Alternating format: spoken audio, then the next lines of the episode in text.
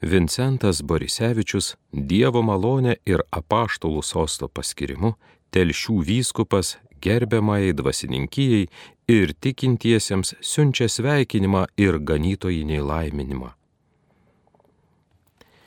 Mylimieji Kristuje. Kristus yra nusakęs, kas yra jo sėkėjas šiais žodžiais. Kas daro Dievo valią, tas mano brolis ir sesuo Ir taip išganytojas reikalauja, kad Dievo valia atseit visi Dievo įsakymai būtų pildomi. Jei žmogus Dievo valios nepildys, gali sulaukti viešpaties Jėzaus šios ištarmės, kurią jis pats paskutinėme teisme paskelbs. Aš tavęs nepažįstu.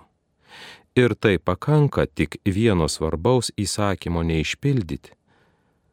O ištarmė, aš tavęs nepažįstu, bus nupelnyta. Svarbiausias Dievo įsakymas yra mylėsi viešpati Dievą tavo, o savo artimą kaip pat save. Šiandien, kada ypač pastarajam įsakymui yra didelė galimybė pasireikšti, o tuo tarpu taip daug jam nusikalstama, manau jums, mylimieji, kalbėti ir būtent. Pirma, apie artimo meilės svarbumą. Antra, kokius darbus meilės įsakymas turi apimti. Trečia, į ką šiais laikais meilės darbai ypač turi būti nukreipti. Ir ketvirta, kokiu būdu meilės darbai turėtų būti vykdomi. Pirma, kaip svarbus artimo meilės įsakymas matyti iš to, kad išganytojas lygina jį Dievo meilės įsakymui sakydamas – mylėsi viešpati savo Dievą. Tai didžiausias ir pirmasis įsakymas. Antrasis gy į jį panašus - mylėsi savo artimą kaip pat save. Krikščionis negali tad abejoti, kad Dievo meilė su visomis pareigomis yra svarbiausias įsakymas. Dievo nemylėsi tas, kuris nesimels, kuris šventadieniais šventų mišių neklausys, kuris Dievui pikžodžiaus, kuris netikės tai, ką Jėzus Kristus išmokė, kuris šventų sakramentų malonėmis pagal Kristaus nurodymus nesinaudos. Jei šie ir kiti Kristaus Dievo įsakyti darbai bus žmogaus paniekinti, žmogus Dievo meilės neturės, vadinasi, svarbiausio Dievo įsakymo neišpildys. Dievo meilės įsakymui panašus yra artimo meilės įsakymas artimo meilės įsakymo ne tik tie nevykdo, kurie artimą šmeižė, kesinasi į jo gyvybę, į jo turtą, įtraukia jį į nuodėmę, bet jei ir reikale artimui nesuteikia pagalbos. Reikia tai įsidėmėti. Šie darbai tuo pačiu svarbiausiųjų Dievo įsakymų yra įpareigoti. Išganytojas artimo meilės įsakymą, sulyginęs su Dievo meilės įsakymu, parodo ir savo darbais to įsakymo svarbumą. Jėzus liepia taip artimą mylėti, kaip jis žmogų mylėjo. Tai mano įsakymas, kad mylėtumėte vienas kitą, kaip aš jūs mylėjau. Kaip Jėzus mus mylėjo, matyti iš jo didelio savęs išsižadėjimo. Jėzus iš meilės priėmė tarno išvaizdą, save leido niekinti ir buvo klusnus iki mirties ant kryžiaus. Ta meilė ne vieną kartą vertė Jėzų ištarti - gaila man žmonių. Jėzus gailėdamasis žmonių juos moko, juos gydo, juos maitina, už juos miršta. Panašiai elgtis Kristus skatina ir mus. Tai daryti nepatarė, bet įsako tardamas. Tai mano įsakymas. Šventasis Jonas apaštalas buvo prisijėmęs tą meilę. Senatvėje, negalėdamas kitaip rūpintis sielų išganimu, jis nuolatos kartodavo - Vaikeliai, mylėkite vienas kitą. Ir kai jį paklausė jo mokiniai, dėl ko jis tą patį taip dažnai kartojas, atsakė - Tai yra viskas, ką jums Dievas įsako, tai darykite, jūs būsite pakankamai padarę. Panašią meilę parodė visi apaštalai. Juos tą meilę išvedė į pasaulį, ta meilė apsireiškė pasiaukojime, kentėjimuose. Ta pati meilė reiškėsi bažnyčios karžygiuose. Šventasis Vincentas A. Paulo rūpinasi neturteliais. Jiems ne tik skelbia Evangeliją, įsteigia tam tikslui kunigų kongregaciją. Neturtelių reikalams jis surenka apie 50 milijonų frankų. Šventasis Jonas Bosko neturtelių reikalams surenka 80 milijonų frankų. Panaši meilė spindi šventajame Jone iš Dievo, šventajame Karolyje, Baromiejuje, šventoje Elžbietoje iš Turingijos, šventojoje Dvygoje. Ir šiais laikais praktiški katalikai stabmeldžių kraštų vargšams kasmet sudeda apie 40 milijonų frankų. Išganytojas artimo meilę aiškina kaip savo mokinių žymę. Iš to meilės visi pažins, kad jūs mano mokytiniai, jei turėsite meilę vienas kito. Pirmieji krikščionys gerai suprato išganytojo šį įsakymą. Jeruzalės krikščionys, kurie norėjo tobuliau gyventi, parduodavo savo turtą ir dalydavo vargšams. Visur kitur per iškilmes buvo ruošiamos krikščionių vargšams puotos, agapėmis vadinamos. Šventasis Justinas pasakoja, kad tikintieji švesdavo šventadienius šiuo būdu. Krikščionys susirinkdavo dalyvauti šventose paslaptyse, skaitydavo pranašų knygas, išklausydavo pamokymų ir duodavo aukas išmaldoms skiriamas, kuriomis paremdavo našlaičius, našles, belaisvius, ligonius, svetimšalius. Tai yra bendras turtas pas mus, sako Tertulijonas, kuris renkamas šiuo būdu. Kiekvienas atneša paskirtą mėnesio dieną vidutinę auką. Niekas nėra verčiamas, tos aukos yra meilės pasiekmes ir jos yra skiriamos neturtingųjų maistui ir laidotuvėms, visų užlaikymui, kurie yra reikalingi pagalbos, našlaičių vaikų ir mergaičių ir mergaičių gyvenimui, nukentėjusių nuo ištikusios nelaimės jūrose, silpnųjų senelių reikalams, tų reikalams, kurie dirba kalnuose, ar tų, kurie dėl Dievo kentėti turi. Iš tiesų, pirmųjų krikščionių buvo viena širdis ir viena siela. Apie šventą diakoną Lauryną skaitome, kad Valerijono Ciesoriaus persekiojimo laikais Romos miesto prefektas pareikalavo iš šventojo Lauryno bažnyčios turtų. Šventasis Laurynas paskyrė dieną ir valandą, kada turėjo šiam reikalui ateiti pas jo bažnyčią. Ten jau stovėjo beturčiai, kuriems dar ir tada greit išdalijo visą, kas jiems buvo naudinga. Prefektui šventasis, rodydamas vargšus, pasakė, štai čia yra krikščioniškos bendruomenės turtai. Ir stabmeldžiai pastebėdavo krikščionių artimo meilę, sakydami, žiūrėkite, kaip jie vieni kitus myli, kaip jie yra pasiryžę vieni už kitus mirti. Julijonas apostatas pats prisipažįsta, kad stabmeldžiams meilės darbai yra svetimi. Gėda mums, sako jis, kad mes, stabmeldžiai, tiek daug neturtingųjų žmonių be pagalbos atleidžiam. Tuo tarpu bedieviai galilėjiečiai, taip vadino krikščionis, maitina ne tik savuosius, bet ir mūsų pavargėlius. Ne tik pirmųjų šimtmečių krikščionys, bet ir šių laikų praktiškiai katalikai gerai tą Kristaus meilės įsakymą supranta ir pagal jį gyvena. Be pirmiau minėtų asmenų paminėsiu dar šventą Pilypą Nerijų. Apie jį skaitome, kad jis bado metu visą gautą duoną nusintė vienam neturteliui, kurio toje vietoje niekas nežinojo. Kada švento Pilypo paklausta, kodėl jis savo duonos visiškai nepasiliko, šventasis Pilypas atsakė, mane visas miestas pažįsta, todėl aš vėl greit duonos galiu gauti. Tasaigi pavargėlis yra visai nežinomas, jam bus daug sunkiau surasti pagalbą. artimo meilė pas kitų tikėjimų žmonės buvo nežinoma. Suprantami tad Kristaus žodžiai, aš jums duodu naują įsakymą mylėti vienas kitą, kaip aš jūs mylėjau. O kaip liūdnai atrodė žmonių santykiai pas stabmeldžius.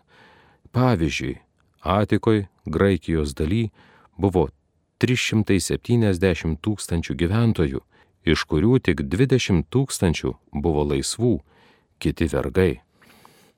Čia savininkas vergus galėjo plakti, skirti bjauriausiams darbams, juos galėjo parduoti. Vergo kaina buvo daug mažesnė už arklio kainą. Už vergą buvo mokama tik penktadalis arklio kainos. Atikoje su vergais palyginti buvo dar žmoniškiau elgiamasi. Šiaipgi priekyvietėje buvo galima matyti vergų apiplėštų iš drabužių, su parašu prie kaklo, jie parduodami. Kartais buvo matomi vergai pririšti prie sienų. Vergai už mažiausią nusikaltimą buvo mušami rykštėmis, diržais, lasdomis. Karo metu paimtieji žmonės vieni patekdavo vergijon, kiti amfiteatran plėšriesiems gyvuliams sudraskyti. Net pastaraisiais laikais, kur krikščionybės šviesa nėra pasiekusi, arba kur nuo Kristaus mokslo atsitraukta, šiurpulingi reginiai matomi, masiškai žudomi žmonės, visokiais būdais niekinami. Kristaus tad meilės įsakymas yra visai naujas Mes iš dėkingumo išganytojai turime branginti tą meilės įsakymą. Turime ne tik teisę reikalauti, kad kiti mums meilę rodytų, bet turime taip pat ir mes meilę rodyti darbais. Tik darbais parodysi, kad mes esame krikščionis. Įsidėmėkime šiuos švento Jokūbo paštolo žodžius. Tikras ir nesuteptas maldingumas Dievo ir Tėvo akivaizdoje yra toks lankyti našlaičius ir našles jų sielvartę, vadinasi, jiems pagalbą teikti. Čia to jau ir kyla klausimas, kokius darbus meilė turi apimti. Antra. Kristaus meilė įpareigoja rūpintis visais žmogaus reikalais. Taip mokė ir savo pavyzdžių rodė išganytojas, apaštalai ir bažnyčia. Pirmiausia, išganytojas liepia rūpinti sielos reikalais, sakydamas, ieškokite visų pirma Dievo karalystės ir jos teisybės. Viešpatės Jėzaus gyvenime matome, kad jo svarbiausias uždavinys buvo išmokyti žmogų, bet jam ir žemiški žmogaus reikalai nebuvo svetimi.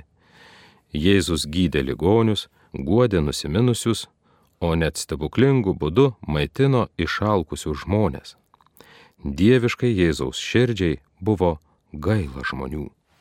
Ir katalikų bažnyčios svarbiausias uždavinys - mokyti teikti šventuosius sakramentus.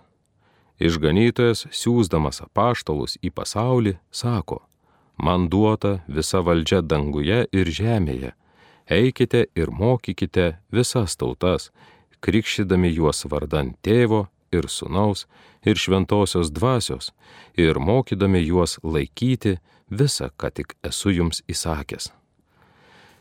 Nesvetimas tačiau bažnyčiai Kristaus ir šis mokslas - palaiminti gailestingieji, nes jie laimės gailestingumo.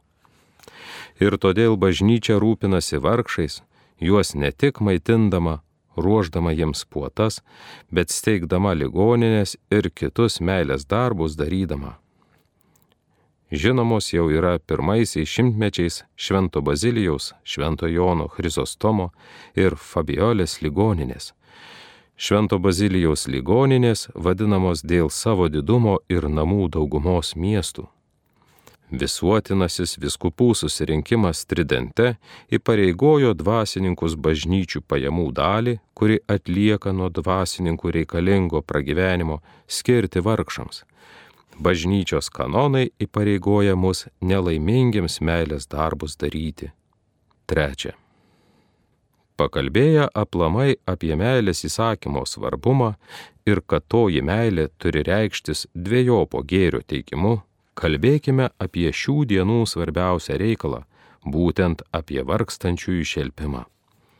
Jei bažnyčios atstovai, kaip matėme, yra įpareigoti rūpintis vargšų šelpimu, tai nemažiau kiekvienas tikintysis turi prisidėti prie to darbo.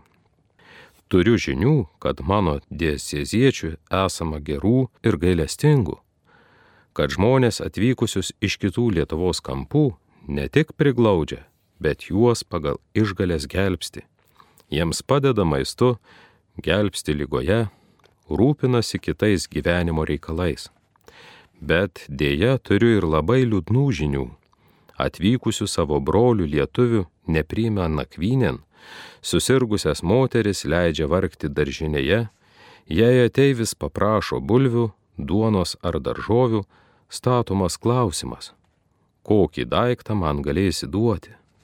Vienas žmogus iš tryškių apeilinkės ateivio už tekinį pareikalavo penkių rublių aukso ir penkių šimtų markių. Tai yra apiplėšimas. Kas apiplėšimas? Net nepaprastas artimas, bet savas brolis lietuvis, kuris visą savo turtą paliko, norėdamas gelbėti savo gyvybę, kuris sugrįžęs į savo tėviškę, greičiausiai nieko neras, ten jau seniai gal viskas pelenais paversta. Vienas misionierius Indijoje buvo pakviestas pas vieną raupsuotojį, kuris baigė skaudžias savo gyvenimo dienas nuo sveikų atskirtas sodė. Tuose namuose, iš kurių ligonis buvo pašalintas, buvo girdimas triukšmas, dainos, kvatojimasis. Nelaimingasis ligonis prašo misionierių maisto, kurio jis jau 30 valandų kaip nėra gavęs. Kasgi buvo tas ligonis? Tai buvo tėvas tų pačių namų savininko, stabmeldžio, kuris su giminėmis ir kaimynais puotavo ir linksminosi.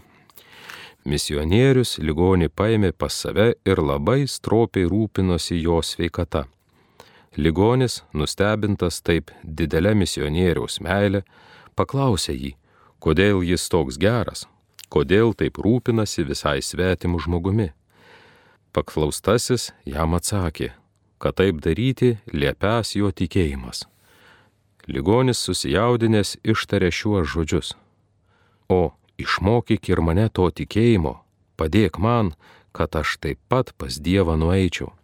Šis atsitikimas yra tarsi fotografija ir mūsų laikų.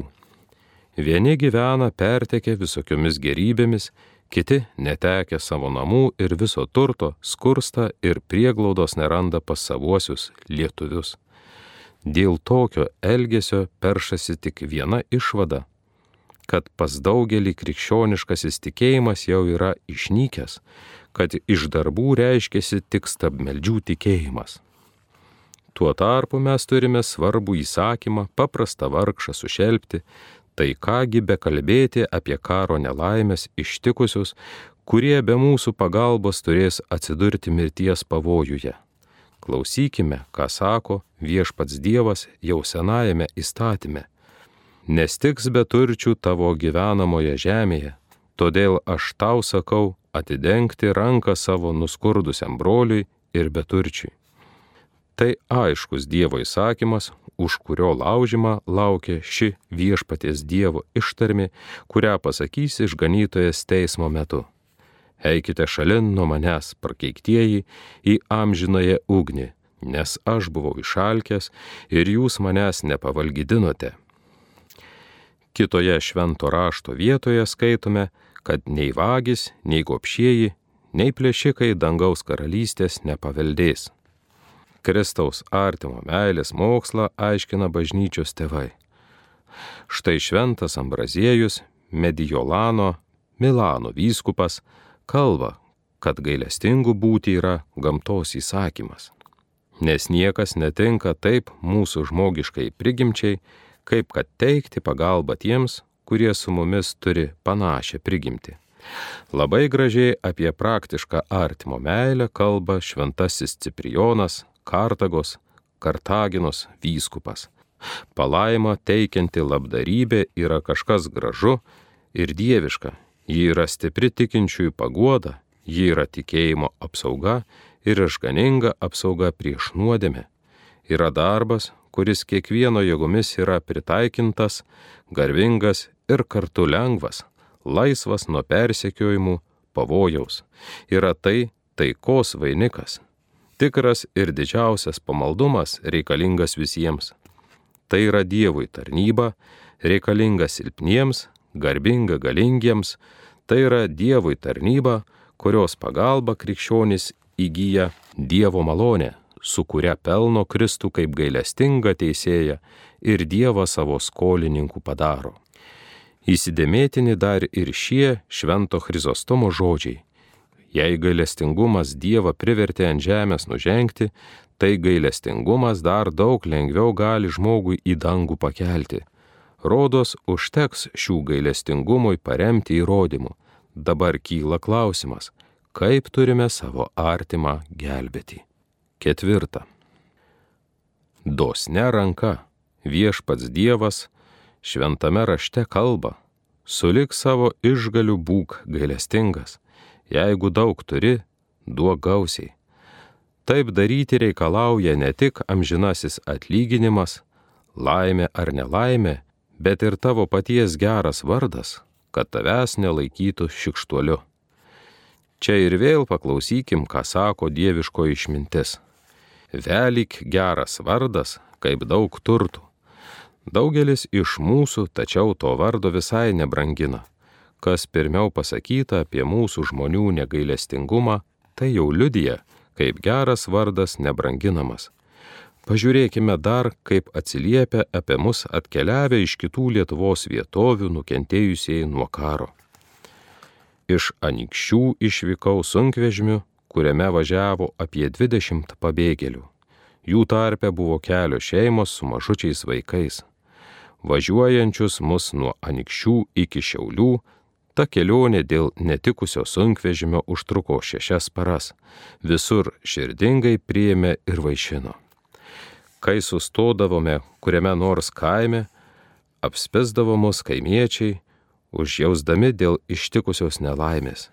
Jie atneždavo mums maisto, pieno, uogų. Prašyti visai nereikėjo kviesdavo net pailsėti ilgesniam laikui, kiti siūlydavo apsigyventi iki karo pabaigos. Pervažiavus Šiaulius ir važiuojant tolyn, vaizdas visai pasikeitė. Čia ne tik niekas mūsų nepasitikdavo sustojimo vietoje, ne tik, kad niekas nepasiūlydavo maisto gabalėlio, bet net ir nakvyniai labai ir labai nenoromis priimdavo. Telšiuose apsistoję pas mokytoją N išėjome vaikams pieno ieškoti. Savitarpės pagalbos buvo mums nurodyta keletas turtingesniųjų ūkininkų. Aplankėme stambų ūkininką N lauke, matėme didelę gyvulių bandą, net jis pats prisipažino, kad turys 18 melžiamų karvių, tačiau mums griežtai atsakė vieno litro pieno nors ir siūlėme kuo nors pakeisti ar pinigais spekuliatyvinę kainą apmokėti.